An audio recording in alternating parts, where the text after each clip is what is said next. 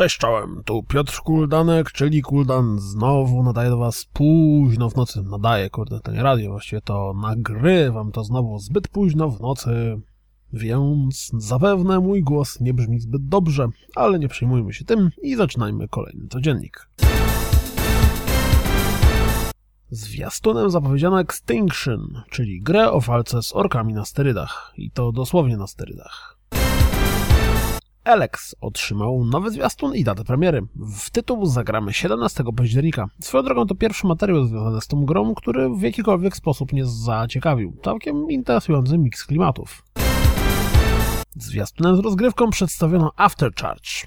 Szczerze mówiąc, to ta gra wygląda jak coś, co musi być free to play, żeby ktokolwiek się nim zainteresował, ale może się mylę. Wiedzieliście, że Dead by Daylight zmierza również na Xbox One i PlayStation 4? Nie wiem, czy ktoś gra w Paragona. Och, ten szart nigdy nie przestanie mnie śmieszyć, ha, ha, ha, ale pojawił się zwiastun prezentujący nową postać, Wukonga. Mam wrażenie, że postać z postaci na postać ta gra robi się coraz bardziej wyluzowana. Persistence, czyli proceduralnie generowany horror pod VR. Czy to może się udać? Zwiastun Pinstripe wygląda bardzo intrygująco. Zobaczcie sami. Jak widzimy na zwiastunie, po ponad dwóch latach w Early Accessie Dungeon Defenders 2 zadebiutują 20 czerwca.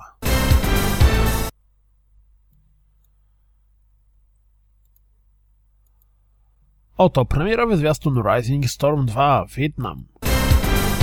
Pojawiły się ploty sugerujące, że oprócz sequela do Life is Strange, gra dostanie również prequel. Co więcej, podobno nie zajmuje się nim Not, a Deck 9.